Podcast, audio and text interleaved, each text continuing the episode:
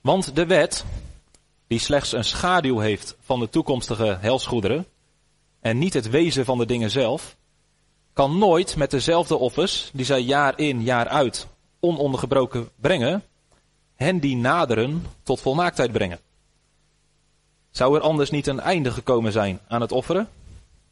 Want zij die de dienst verrichten, zouden zich dan in geen enkel opzicht meer bewust zijn van zonde, wanneer zij eens en voor altijd gereinigd waren. Maar nu wordt men door deze offers elk jaar opnieuw aan de zonden herinnerd. Want het is onmogelijk dat het bloed van stieren en bokken de zonde wegneemt. Daarom zegt hij, Jezus, bij zijn komst in de wereld, slachtoffer en graanoffer hebt u niet gewild. Maar u hebt voor mij een lichaam gereed gemaakt. Brandoffers en zondoffers hebben u niet behaagd. Toen zei ik, zie, ik kom. In de boekrol is over mij geschreven. Om uw wil te doen, o God. Daarvoor had hij gezegd, slachtoffer en graanoffer en brandoffers en zondoffers hebben u niet gewild. En zij hebben u niet behaagd. Hoewel zij overeenkomstig de wet worden gebracht. Daarna sprak hij, zie, ik kom om uw wil te doen, o God. Hij neemt het eerste weg om het tweede daarvoor in de plaats te zetten. Op grond van die wil zijn wij geheiligd, door het offer van het lichaam van Jezus Christus, eens en voor altijd gebracht. En iedere priester stond wel dagelijks te dienen en bracht vaak dezelfde slachtoffers, die de zonde toch nooit zouden kunnen wegnemen. Maar deze priester is nadat hij één slachtoffer voor de zonde geofferd had, tot in eeuwigheid gezeten aan de rechterhand van God. En dan lezen we vanaf vers 19.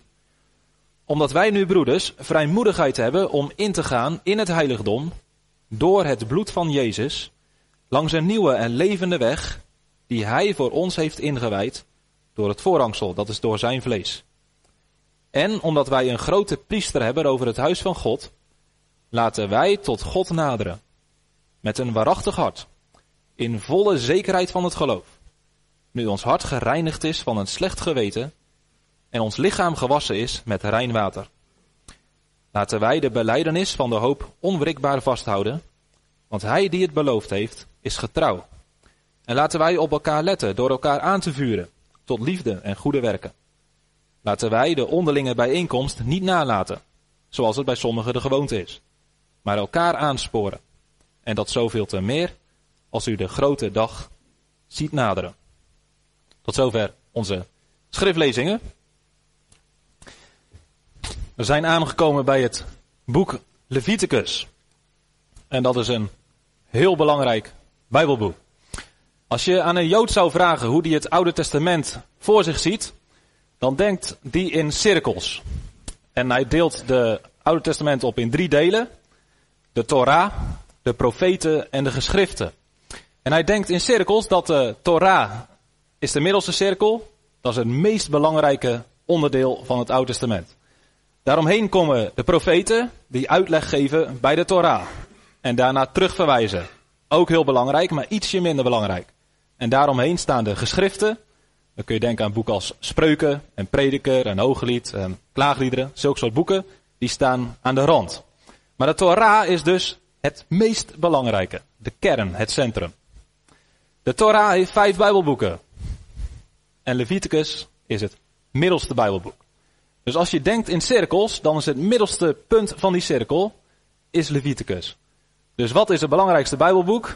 als je op die manier naar het Oude Testament kijkt, Leviticus. En ik denk dat dat terecht is. Want Leviticus geeft het antwoord op de meest belangrijke vraag die wij als mensen kunnen hebben. En die vraag die komt op aan het eind van Exodus 40. We hebben gezien dat de tabernakel daar werd gebouwd. En aan het eind toen de tabernakel voltooid was, toen vulde de heerlijkheid van de Heere de tabernakel. De hemel kwam op aarde. Het was een plek waar God woonde. Maar vervolgens staat er, Mozes kon de tent van ontmoeting niet binnengaan. En dat laat het probleem zien. Hier was de tabernakel waar God aanwezig was in volle glorie. Maar hier stond Mozes buiten de ingang en hij kon niet naar binnen gaan. En dat is hetzelfde probleem als we hebben gezien in Genesis 3. In het paradijs waren Adam en Eva. Maar door hun zonde werden ze aan het oosten eruit gezet. Ze werden weggezonden. Ze konden niet meer in de nabijheid van God leven als zondige mensen. Ze stonden buiten de ingang.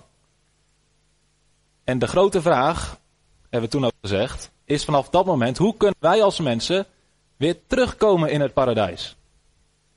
En diezelfde vraag krijg je aan het eind van Exodus 40. Hoe kan Mozes binnenkomen in het tabernakel?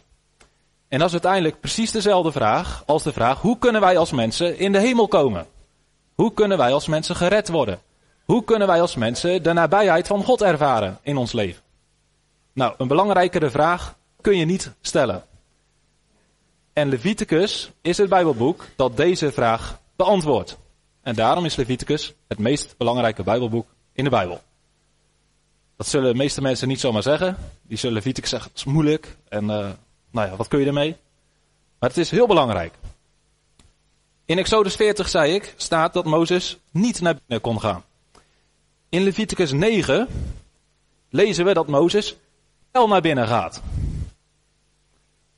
Dus het is wel mogelijk. En hoe het mogelijk is, dat staat tussen Exodus 40 en Leviticus 9 in. Dus Leviticus 1 tot en met 9 geven het antwoord op de vraag hoe wij als mensen in de nabijheid van God kunnen komen. Nou, Leviticus 1 tot 9 heeft eigenlijk twee thema's. Leviticus 1 tot en met 7 gaat over offers.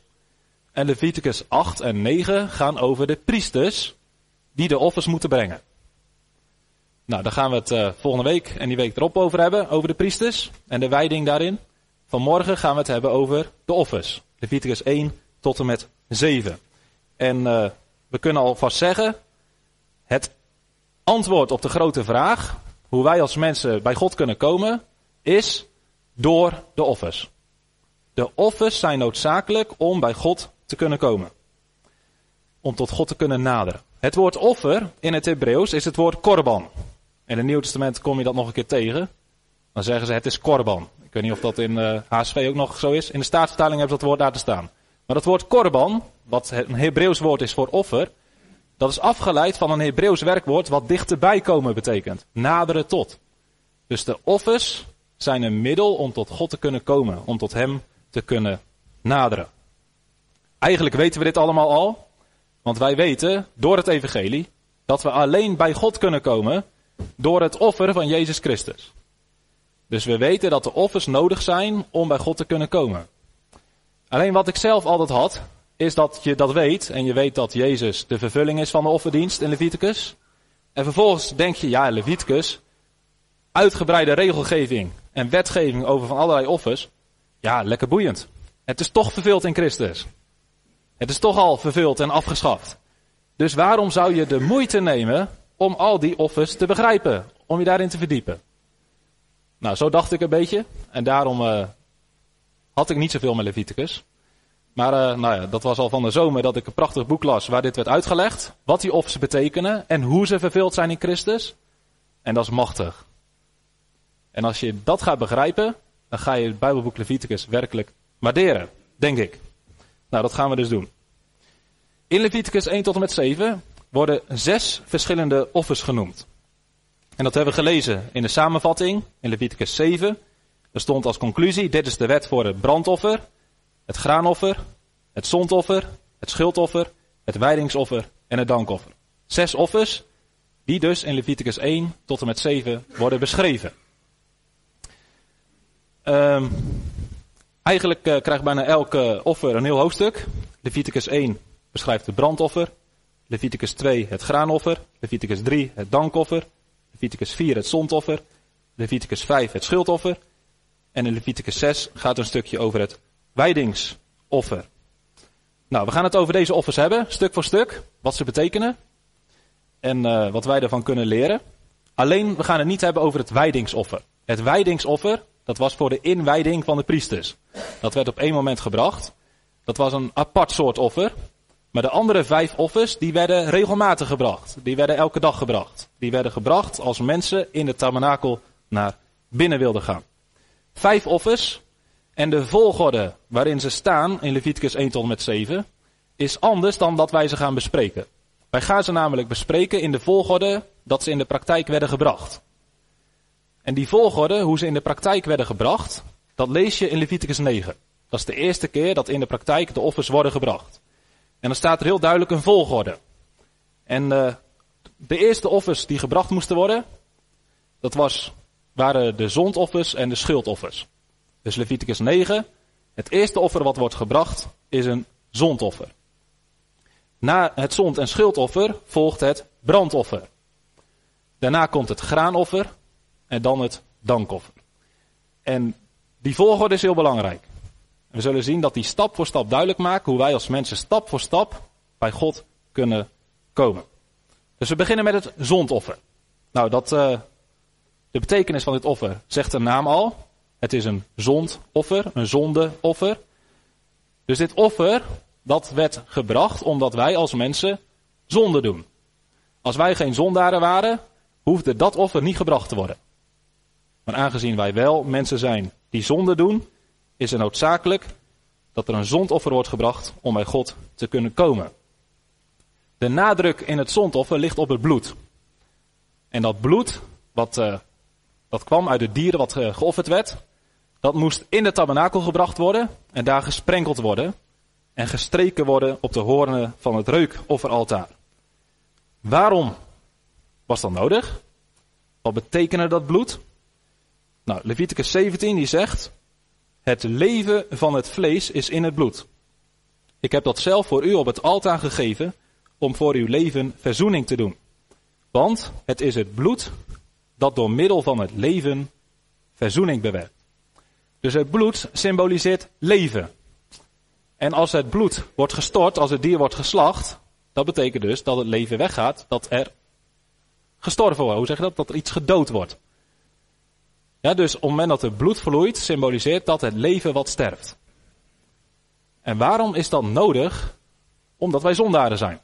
Nou, dat gaat helemaal terug naar het feit dat God tegen Adam heeft gezegd: Als je van die boom eet, als je zondigt, dan zul je zeker sterven. Ezekiel die zegt daarom: De ziel die zondigt, de mens die zondigt, zal zeker sterven. En Paulus zegt: Het loon van de zonde is de dood. Dus de straf die de zonde oproept, die de zonde verdient, is de dood. En God zegt, ik geef een offer wat in plaats van ons wil sterven. Dus het symboliseert ook plaatsvervanging. Dat zag je aan het feit dat als de offer werd gebracht, dan moest de hand van de offeraar op de kop van het offerdier worden gelegd. Er staat er eigenlijk nog veel sterker. Er staat met kracht geduwd worden. Dus je moest echt zo erop leunen, op het dier. En dat symboliseerde eigenlijk, dit dier neemt mijn plek in. Ik verdien eigenlijk. Maar dit dier gaat in plaats van mij sterven. Vervolgens staat er ook heel duidelijk bij dat dat offerdier zonder enig gebrek moest zijn. Dus dat dier dat symboliseerde zelf zonderloosheid, volkomenheid. En op deze manier maakte God duidelijk, als je tot mij wil komen, als je in mijn nabijheid wil zijn, dan is het nodig dat de zonde wordt gestraft. Dat er recht wordt gedaan. En het is mogelijk om dat te doen via het offerdier. En dan staat er ook, op het moment dat de priester dat offer brengt, zo zal hij verzoening doen over de zonde en de zonde zal hem vergeven worden. Het schuldoffer, dat uh, lijkt heel veel op het zondoffer. Ik vond het lastig om uh, te zien wat precies het verschil was. Ook bij het schuldoffer staat precies dezelfde regel.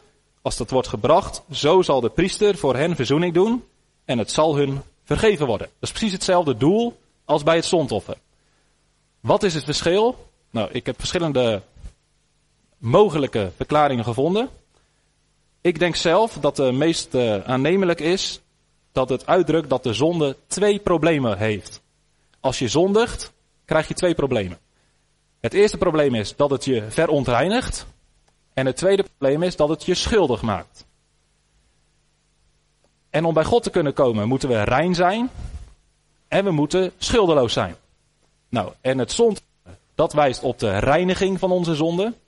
En het schuldoffer, dat wijst op de betaling, op de genoegdoening, op de schuldvoldoening. Ja, dus op het moment dat het zondoffer wordt gebracht, wordt onze zonde gereinigd. We zijn rein en kunnen weer in de buurt van God komen.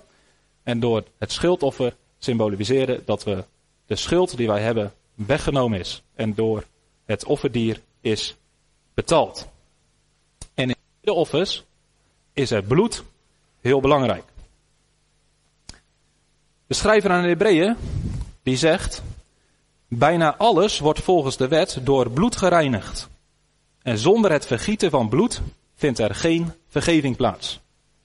Dus het bloed is noodzakelijk voor de reiniging van ons en voor de vergeving. Maar zegt diezelfde schrijver, dat hebben we gelezen in Hebreeën 10, het is onmogelijk dat het bloed van stieren en bokken de zonde wegneemt. Dus die offers die gebracht werden in het Oude Testament, die voldeden eigenlijk niet. Die hadden niet de kracht, die hadden niet de waarde die nodig was om ons werkelijk te reinigen en onze zonde werkelijk te vergeven. Ze waren een schaduw, ze wezen vooruit naar de Heer Jezus. En de Heer Jezus heeft gezegd, slachtoffer en graanoffer hebt u niet gewild. Maar u hebt voor mij een lichaam gereed gemaakt. Dat is kerst. Dus de zoon van God, die zegt in het Oude Testament, ik kijk naar de offerdienst en ik weet dat die niet voldoende zijn om de mensen werkelijk te helpen om bij God te komen. Die offers kunnen niet werkelijk de zonde vergeven. Maar ik weet dat u voor mij een lichaam gereed hebt gemaakt. Straks zal ik naar de aarde gaan, zal ik geboren worden uit de maagd, ik zal een menselijke natuur krijgen. Waarom? Om het offer te kunnen zijn. Om te kunnen sterven aan het kruis. Om zo het brandoffer, het schuldoffer, het zondoffer te zijn wat nodig is om werkelijk verzoening te doen over onze zonden. Nou, dat is precies wat het Nieuw Testament ook ons leert. Dat Jezus Christus het lam van God is dat de zonde van de wereld wegneemt. Dat zegt Johannes de Doper. Kijk, het lam van God dat de zonde van de wereld wegneemt. Dan zegt Johannes de Doper, kijk, dat is het zondoffer. Dat is het schuldoffer. En uh, Johannes die schrijft later in zijn brief, uh, Jezus is een verzoening voor onze zonde. Zijn bloed reinigt ons van alle ongerechtigheid. Nou, dit is dus het eerste antwoord op de grote vraag. Hoe kunnen wij in de buurt van God komen? Hoe kunnen wij gered worden? Hoe kunnen wij Gods nabijheid ervaren? Alleen door het offer, het bloed van Jezus Christus. Door hem, door zijn bloed, hebben wij toegang tot God. En dat is geen offer wat wij zelf moeten aandragen of mee moeten nemen. Het is een offer wat God aan ons geeft. Het is een offer wat vanuit God komt. God heeft erin voorzien. En God biedt Jezus aan ons aan om er gebruik van te maken. In Romeinen 3, vers 25 zegt Paulus, Hem, dat is Jezus, heeft God openlijk aangewezen als middel tot verzoening. Door het geloof in zijn bloed. Dat duwen op die kop van het dier, dat wijst op het geloof.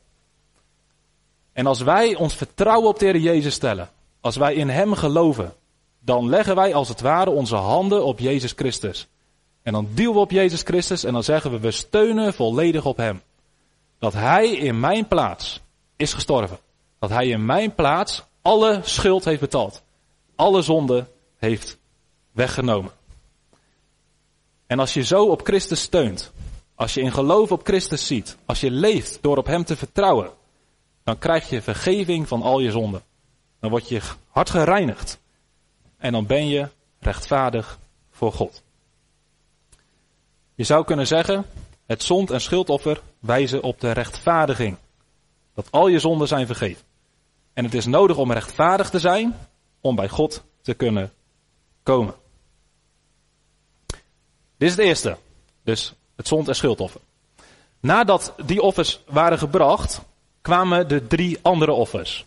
En die vormen eigenlijk een trio. Die horen bij elkaar. Het brandoffer, het graanoffer en het dankoffer. Die volgden op het brengen van het zond- en of schuldoffer. Deze drie offers zijn heel anders. Deze drie offers, daar lezen we niet dat ze tot vergeving van zonde zijn. Deze, zon, of deze offers, die worden anders genoemd. Deze offers, staat er, zijn een aangename geur voor de Heer. Dus deze offers, die wijzen niet zozeer op de vergeving van zonde, want die zijn vergeven, de zonden zijn weg. Maar het gaat nu om iemand die vrij is van zonde, die tot God komt. En dat is voor God aangenaam. Je zou kunnen zeggen, je wil God ontmoeten. En de eerste probleem is dat we hebben is de zonde. Dat moet worden weggenomen. Het zond- en schuldoffer die zorgen ervoor dat een ontmoeting met God mogelijk is. Het brandoffer, het graanoffer en het dankoffer, die zorgen ervoor dat die ontmoeting ook werkelijk plaatsvindt. Dus dat we werkelijk bij God komen en werkelijk zijn nabijheid ervaren. Dus de belemmering is weggenomen door het stond een schuldoffer. Er is niks meer wat ons buitensluit bij God. En het brandoffer en de andere offers zorgen ervoor dat we werkelijk ook dan bij God komen in zijn nabijheid. Nou, de eerste daarvan is het brandoffer. En dat is het meest belangrijke en meest kostbare offer wat gebracht werd. Het altaar waar alle offers opgebracht werden, werd ook het brandofferaltaar genoemd. Dus het brandoffer is eigenlijk het meest belangrijke offer in Leviticus. En misschien is dat ook de reden dat in Leviticus 1 allereerst het brandoffer wordt beschreven. Ook hier geldt dat de offeraar een dier zonder enig gebrek moet brengen en ook zijn hand op de kop van het dier moet duwen. Dus het is ook een plaatsvervangend offer. Wat is de betekenis hiervan? Twee dingen zijn belangrijk als het gaat om dit offer. Het eerste wat gezegd wordt is dat dit een offer is wat in rook moet opstijgen naar de Heer. En dat woord opstijgen, dat is een woord wat ola is. En ola, dat is het woord wat gebruikt wordt voor dit offer. Dit offer heet, wij noemen het brandoffer, maar in het Hebreeuws wordt dit offer ola genoemd. En dat woord ola betekent opstijgen. Dus je kunt misschien beter zeggen, dit is het opstijgoffer. En het opstijgen, dat symboliseert het tot God gaan. Het naderen tot God. Dus dit offer, dat drukt uit, door dit offer kom je bij God. In dit offer nader je werkelijk tot God. Het tweede aspect van dit offer maakt duidelijk hoe we dan tot God kunnen naderen. Op welke manier. En er staat bij dit offer dat alles op het altaar gelegd moet worden. Alles moet met vuur verbrand worden. Dat gold niet van de andere offers, alleen van het brandoffer. Alles moest op het altaar. En wat betekent dat? Waar wijst dat op? Dat God van ons als mensen vraagt dat we onszelf volkomen aan God toewijden. Dat we alles aan God geven. En ik denk dat dat verwoord wordt in Deuteronomium 6. Daar zegt God, u zult de Heer uw God lief hebben met heel uw hart, met heel uw ziel en met heel uw kracht. Dus God wil dat wij onszelf volkomen aan God toewijden. Dat we onszelf helemaal aan God geven. En daar wijst de brandoffer op. Een volkomen offer. Komen toewijding aan God. Het offerdier moest zonder enig gebrek zijn. Het woord wat daar in het Hebreeuws staat, is het woord tamim. En tamim betekent zonder enig gebrek. Maar als het gaat over personen, dan wordt het ook gebruikt, dan wordt het gezegd, wordt het vertaald met oprecht. En net zoals het offer zonder enig gebrek moest zijn, zegt God, zo moet degene die het offer brengt, oprecht zijn. En dat betekent dus zich volkomen toewijden aan God. Nou, wat dit offer duidelijk maakt, is dat God van ons dus volkomen toewijding vraagt. God wil dat wij tamim zijn. Oprecht. Ons helemaal aan Hem toewijden. Zijn wij dat? Lukt het ons om God te dienen met heel ons hart? Om Hem te dienen met al onze krachten? Om werkelijk heel ons leven aan God toe te wijden? Dat lukt ons niet, hè? En dat was ook het probleem van de Israëlieten.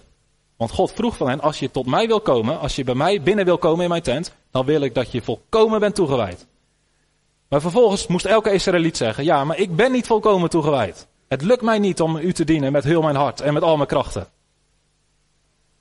Oké, zegt God, ik voorzie in een brandoffer. Dat brandoffer mag je brengen in plaats van jouw volkomen toewijding. Dus je brengt dat dier, je legt je hand op hem en je zegt, ik kom via dit dier bij u. Het lukt mij niet om me volkomen toe te wijden. Maar in plaats dat ik mijzelf volkomen toewijd, is dit dier in mijn plaats volkomen voor u. En op deze manier wijst het brandoffer naar Jezus Christus. Het lukt ons niet om ons volkomen toe te wijden aan God. Om Hem lief te hebben met heel ons hart en te dienen met al onze kracht. Er is één persoon die het wel is gelukt. Jezus Christus heeft altijd volkomen de wil van God gedaan. Elke seconde van Jezus' leven was volkomen toegewijd aan het doen van de wil van God. En daarom zegt Jezus, brandoffers hebben u niet behaagd. Zie, ik kom om uw wil te doen. En Jezus heeft in heel zijn leven, je zou kunnen zeggen misschien nog meer in zijn sterven, zich volkomen aan God toegewijd. En daarin is Jezus het offer wat wij nodig hebben. In Efeze 5, vers 2, dan zegt Paulus, Jezus heeft zichzelf overgegeven als een offergave en slachtoffer voor ons. Dus in onze plaats. Maar er staat ook, ook voor zijn vader. Want dat offer van Jezus was een aangename geur voor God. Dus Jezus, als we denken aan zijn offer, dan moeten we niet alleen denken aan dat hij gestorven is voor onze zonden. Dat hij bloed heeft gestort wat ons kan reinigen en vergeven. Nee, we moeten Jezus ook zien als de vervulling van het brandoffer. Als degene die in onze plaats zijn leven volkomen heeft toegewijd aan God. En als wij tot God willen naderen, als wij in de hemel willen komen, of als wij nu de nabijheid van God willen ervaren, dan zegt God allereerst, ik wil dat je zonden vergeven zijn. Ik wil dat je rein bent. Ik wil dat je rechtvaardig bent. Dan moeten wij in geloof op Christus zien. En geloven dat Christus voor onze zonde is gestorven. Maar dan zijn we er nog niet. Want vervolgens zegt God, ik wil niet alleen dat je rechtvaardig bent, ik wil ook dat je heilig bent. Ik wil dat je volkomen aan mij bent toegewijd. En dan zeggen we, ja, maar dat ben ik niet. Hoe kunnen we dan toch bij God komen? Hoe kunnen we toch zijn nabijheid ervaren? Dan zegt God, kijk ook in geloof op mijn zoon. De Heer Jezus is niet alleen jouw zondoffer, de Heer Jezus is ook jouw brandoffer. Hij heeft zich in jouw plaats volkomen toegewijd aan God. En als je in het geloof, of via het geloof in Jezus naar God gaat, dan ziet God jou alsof jouw hele leven volledig aan God is toegewijd. Dankzij het feit dat Jezus voor ons het brandoffer is. In Christus Jezus zijn wij voor God volmaakt. Tamim. Hier is niet alles mee gezegd. Dus uh, allereerst, als je tot God wil gaan, geloof in Heer Jezus. Dat Hij je zondoffer is en je schuldoffer. Maar zowel in het Oude en Nieuw Testament wordt ook wel echt van ons gevraagd dat wij onszelf toewijden aan God. En er wordt ook in het Oude Testament worden ook gewone mensen tamim genoemd. Dus op een bepaalde manier moeten wij zeggen van onszelf, wij kunnen onmogelijk tamim zijn, volkomen toegewijd aan God. Want we zijn zondaren en dat blijven we.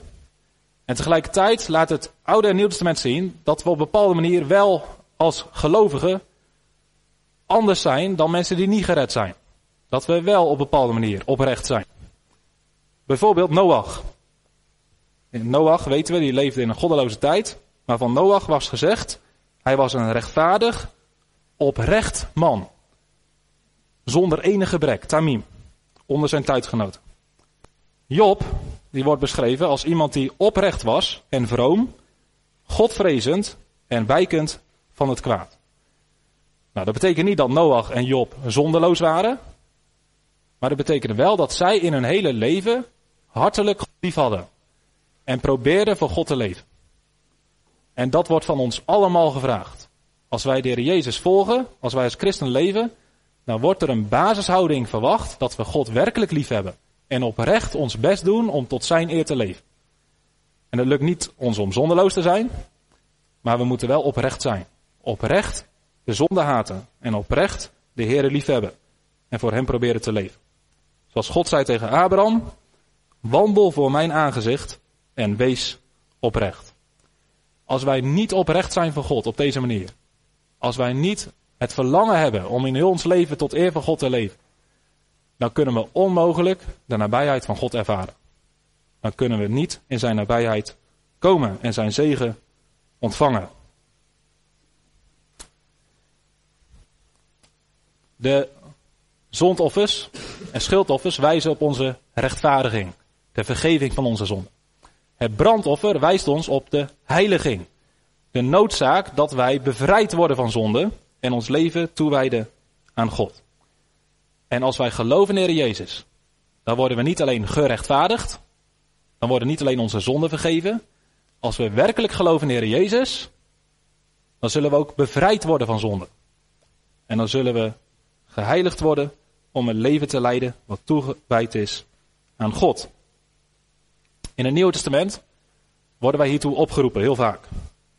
Paulus zegt in uh, Romeinen 12, ik roep u ertoe op broeders, om uw lichamen aan God toe te wijden, als een levend offer. Heilig en voor God welbehagelijk. Dat is uw redelijke godsdienst. Paulus had het brandoffer hier in gedachten. Paulus dacht niet aan het zondoffer. Hij dacht aan het brandoffer. En hij zag het brandoffer als een voorbeeld van iemand die volledig toegewijd leeft aan God. En nu zegt hij tegen de christenen in Rome, jullie zijn gered door het evangelie. Jullie hebben het eeuwige leven ontvangen. Wijd nu je hele leven toe aan God. Leg je hele leven op het altaar. Laat je hele leven een offer zijn waarin je God behaagt. Waarin je doet wat Hij van je vraagt. Petrus, die citeert Leviticus. En die zegt tegen de gelovigen, zoals Hij die u geroepen heeft heilig is, wordt zo ook zelf heilig in heel uw levenswandel. En de schrijver naar de Hebreeën die zegt, jaag de heiliging na, zonder welke niemand de Heere zal zien. Oké, hier hebben we het tweede antwoord op de vraag hoe wij de nabijheid van God kunnen ervaren in ons leven. Hoe wij tot God kunnen naderen. Wat er nodig is om in de hemel te kunnen komen straks. Het eerste is dat onze zonden vergeven worden, de rechtvaardiging. Het tweede wat nodig is, is heiliging. Dat wij in ons leven ervoor strijden om de wil van God te doen. Om de zonde te doden. En te zeggen tegen God. Ik kwam een uh, prachtig uh, citaat tegen van de week. En er was een zendelinge, of die was later zendeling geworden, denk ik. Toen op het moment dat ze dit schreef, was ze een, noem je iemand van 18, een vrouw of een meisje, van uh, 18 jaar, Betty Stam. En die schreef, of die zei, heren, ik geef al mijn eigen plannen op.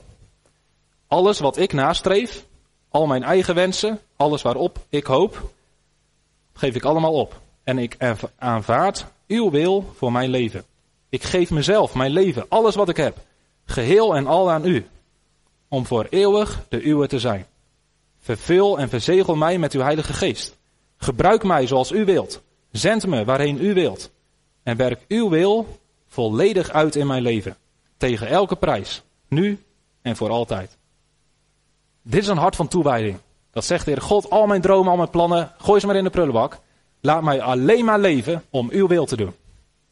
Ik wijd mij volledig aan u toe. Dat is het brandoffer. En God vraagt van ons deze houding. Dat wij niet meer voor onszelf leven, dat we niet meer voor de wereld leven, maar dat we volledig zijn toegewijd aan Hem. Om Hem te verheerlijken. Dat stond in een artikel over Robert, Robert McChain. Robert McChain was ook een predikant. Die uh, overleed toen hij al 29 was. Of nog maar 29. Maar die uh, is bekend geworden. Omdat hij tot grote zegen is geweest voor vele mensen. En hij uh, bad vaak. Maak mij zo heilig. Als een geredde zondaar gemaakt kan worden. Dus hij had één verlangen in zijn leven. Om zo heilig mogelijk te zijn. Om zoveel mogelijk tot eer van God te leven. Om zoveel mogelijk tot zegen te zijn in Gods koninkrijk. De heiliging is noodzakelijk om God te ervaren. En ik denk gewoon, heel simpel, hoe minder wij toegewijd zijn aan het doen van de wil van God, hoe minder serieus wij strijden tegen de zonde, hoe minder we God zullen ervaren in ons leven. Hoe meer God op afstand zal blijven. Maar hoe meer wij in ons leven heilig proberen te zijn en de wil van God te doen, hoe meer wij zeggen tegen God, neem mijn leven, laat het Heer toegewijd zijn aan uw eer, Neem mijn uren en mijn tijd, maak ze tot uw dienst bereid. Neem mijn zilver en mijn goud, dat ik niks daarvan behoud. Alles is voor u. Hoe meer dat ons hart is en ons leven, hoe meer we in ons leven momenten zullen hebben dat God echt dichtbij is. Dat we zijn liefde ervaren, dat we zijn heerlijkheid zien. Dat we echt gemeenschap hebben met God. Jezus zegt in Matthäus 5, zalig zijn de reinen van hart, en datzelfde idee van rein van hart zijn is oprecht zijn van hart. Volkomen toegewijd zijn. Want, zegt Jezus, zij zullen God zien. Het is een aanmoediging om tegen zonde te strijden in je leven.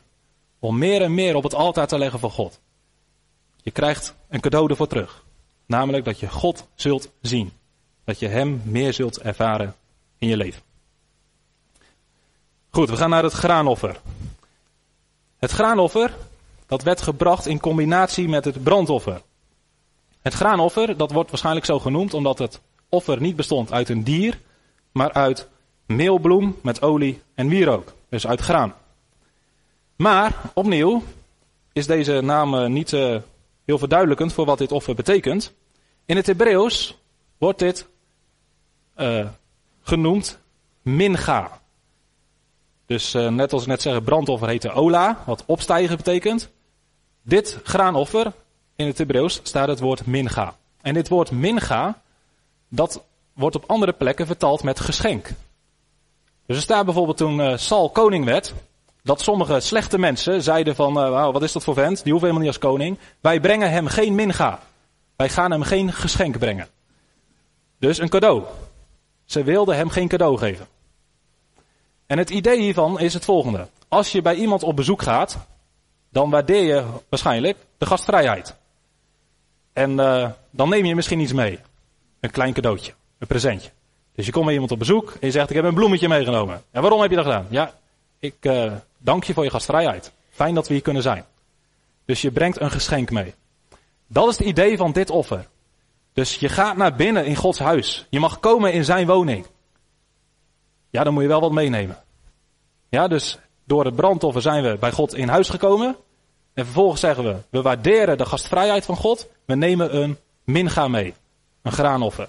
Om duidelijk te maken, om te uiten naar God, we zijn dankbaar dat we in uw nabijheid mogen komen. We zijn dankbaar dat we bij u thuis mogen komen. Nou, wat moeten wij meenemen als we bij God willen zijn? Als we Hem willen ontmoeten? Als we zeggen tegen God, Heere God, ik verlang naar u. Mag ik u nu ontmoeten? Dat kan elk moment van de dag en elk moment van de week, op alle plaatsen waar je bent. Je hebt het verlangen om God te ontmoeten. En dan hoor je nu dat je een geschenk mee moet nemen. Of kan meenemen. Wat kunnen wij aan God geven? Nou, er is een bekend uh, lied in het Engels. Dat zegt, uh, Nothing in my hands I bring, simply to the cross I cling. En dat is vertaald in het lied Vaste rots van mijn behoud. En dan zegt, zie, ik breng voor mijn behoud u geen wierook meer of hout. Met andere woorden, als wij tot God gaan, dan komen wij met lege handen. We hebben God helemaal niks te brengen. Ja, zo voelen wij ons vaak waarschijnlijk ook, want wat kunnen wij aan God geven? We staan met lege handen. Wij hoeven ook niks te brengen, gelukkig. Wij kunnen niks toevoegen aan het offer van Jezus Christus. Als wij in Christus bij God komen, dan is het allemaal goed. Dan hoeven wij zelf daar niks aan toe te voegen. We hoeven dus ook niet bang te zijn dat we een te klein geschenk meenemen voor God. Of dat we tekort schieten. Nee, dit graanoffer, dat is ook vervuld in Christus. En als wij bij God komen en we willen Hem iets geven, dan is het eerste antwoord, wij hoeven God niks te geven. Je bent welkom met lege handen. Maar vervolgens zul je zelf wel iets hebben van, ja, oké, ik ga bij iemand op bezoek en ik weet wel dat ik geen bloemetje hoef mee te brengen. Maar ik wil wel mijn dankbaarheid uiten, dus ik neem wel lekker wel een bloemetje mee. Ja? Zo kun je ook naar God toe komen en zeggen van, oké, ik weet dat ik niks hoef te brengen bij God. Maar ik verlang er wel naar om iets te uiten dat ik echt dankbaar ben van God. En uh, in het Nieuwe Testament, ja in het Oude Testament ook, wordt daarom gesproken over vrijwillige offers. Het is iets wat je zelf mag bedenken, iets wat niet verplicht is, maar wat je wel aan God kunt geven. Om te uiten dat je dankbaar bent voor de relatie die je met Hem mag hebben. En uh, nou, ik zat zomaar wat uh, te bedenken. Stel je voor dat je zo dankbaar bent voor alle geestelijke zegeningen. Dat je God mag kennen, dat je gered bent. En je zegt van oké, wat kan ik doen voor God? Wat kan ik me geven? Nou, je zegt ik ga een jaar ga ik niet op vakantie. En daar bespaar ik ik weet niet hoeveel geld mee. En dat geld, dat ga ik geven aan mensen die het nodig hebben. Aan mensen die in nood zijn. Dat is prachtig toch? Dat is niet verplicht. Er kan niemand zeggen dat moet je doen. En dat zegt God ook niet. Maar het kan zijn dat je zelf zo dankbaar bent en zo gelukkig in God dat je zegt van nou ik wil zo'n offer brengen. Ik ga een jaar niet op vakantie en ik geef iets aan goede doelen van dat geld. Nou, dan zegt de Hebreeën schrijver, vergeet het weldoen en de onderlinge hulp betoon niet. Want aan zulke offers heeft God een welgevallen. Dus je doet zoiets in je leven en je kunt heel veel voorbeelden bedenken. Bij Jezus kwam een keer een vrouw en die goot een albasten fles met olie over haar hoofd. Was een heel jaarloon. En de discipelen zeiden, dat is verspilling, dat is dwaasheid. Maar Jezus zei, ze heeft een goed werk gedaan. Die vrouw was dan niet verplicht. Maar met dat offer wat ze bracht, behaagde ze God. En zo kunnen wij in ons eigen leven nadenken, oké, wat kan ik nog meer doen voor God? Wat niet per se moet, wat niet verplicht is. Maar waar ik hem wel mee blij kan maken. Waar ik hem wel mee kan behagen. En als wij zulke offers brengen, dan mogen we weten dat God daar werkelijk van geniet. Dat dat werkelijk tot eer van hem is. Nog één offer hebben we. Het dankoffer. Dus uh, door het brandoffer komen we bij God. Het graanoffer is het presentje wat we daarmee meenemen. En nu het dankoffer. En het dankoffer is de climax. Het hoofddoel. Een van de redenen waarom ik niet ervoor heb gekozen om uh, elk offer aparte preek te houden, is omdat ik wil laten zien dat deze offers bij elkaar horen. En dat de volgorde iets duidelijk maakt. En uiteindelijk al die offers, je begint bij het zondoffer. Ga je naar het brandoffer met het graanoffer. En dan kom je bij het dankoffer. Het laatste offer, wat de climax is van het naderen tot God. Wat is het idee van dit offer? Nou, wat kenmerkend en uniek is voor dit offer, is dat degene die het offer brengt er zelf ook van mag eten. Dus degene die het offer brengt mag zelf van het offer mee eten. Dus het is niet alleen voor God, het is ook voor hemzelf. En dit offer wijst op een gemeenschapsmaaltijd. Wat is dat? In het Oude Testament werd er uh, vaak een verbond gesloten, of een vriendschap. En nadat dat verbond was gesloten, werd er samen gegeten. Een maaltijd gehouden. En die maaltijd die maakte duidelijk, oké, wij horen bij elkaar. Wij hebben een verbond. Wij zijn vrienden. En wij willen deze vriendschap vieren. Wij willen genieten van onze vriendschap. Wij willen onze relatie versterken. En dat is het idee van het dankoffer. Dus wij komen bij God binnen in zijn huis. En God zegt, hier staat de tafel. Ik wil mijn relatie die wij hebben vieren. Ik wil dat we samen genieten van onze relatie. Ik wil onze relatie versterken. We gaan samen een maaltijd houden. En dat wordt uitgedrukt in het dankoffer. En de lijn die hier mooi te trekken is, is naar het heilig avondmaal. Het heilig avondmaal is ook een gemeenschapsmaaltijd wat volgt op een verbondsluiting. Dus het bloed in het avondmaal, dat wijst op het bloed wat Jezus heeft gestort om het verbond te sluiten. En God zegt in het avondmaal als het ware, ik nodig je uit om bij mij aan tafel te komen. Om de relatie te vieren. Om te genieten van het feit dat wij met elkaar verzoend zijn. Om de relatie te versterken. Dus je zou kunnen zeggen, het heilige avondmaal, dat is de vervulling van wat in het Oude Testament het dankoffer is. Samen genieten van de maaltijd. Nou, er zijn een paar psalmen die hier iets over zeggen. Uh, Psalm 23, gaan we straks denk ik nog zingen. Psalm 23 zegt, U maakt voor mij de tafel gereed. U zalft mijn hoofd met olie. Mijn beker vloeit over. Ik zal in het huis van de Heere blijven tot in lengte vandaag. Waar gaat het over? Nou, Psalm 23, die heeft dus in gedachten, je nadert tot God. Je gaat binnen in zijn huis. En in het huis van God staat een tafel gereed. En de tafel die druipt over. Het is één heerlijke maaltijd. En ik wil hier in lengte van dagen blijven. Psalm 65. Wij worden verzadigd met het goede van uw huis. Psalm 36. Zij worden verzadigd met de overvloed van uw huis. U laat hen drinken uit uw beek vol verrukkelijke gaven. Dus het hele doel van het naderen tot God is uiteindelijk dat we met God zijn. Dat we genieten van zijn nabijheid. Dat we gezegend worden door alles wat Hij ons wil geven. En dat wordt geuit in het dankoffer. Goed, heel vooral. We hebben vijf offers gehad. En die offers, stap voor stap, die maken duidelijk hoe wij bij God kunnen komen. Het begint met het zondoffer. Om ervoor te zorgen dat we zondeloos zijn, dat we rein zijn. Vervolgens krijg je brandoffer, wat ons werkelijk bij God brengt. En het eindigt met het dankoffer, waar we in de gemeenschap met God zijn en genieten van de relatie die er is. En nu is de vraag, verlangen wij naar de gemeenschap met God? Willen wij binnengaan? Willen wij God echt dichtbij hebben? Willen we Hem ontmoeten?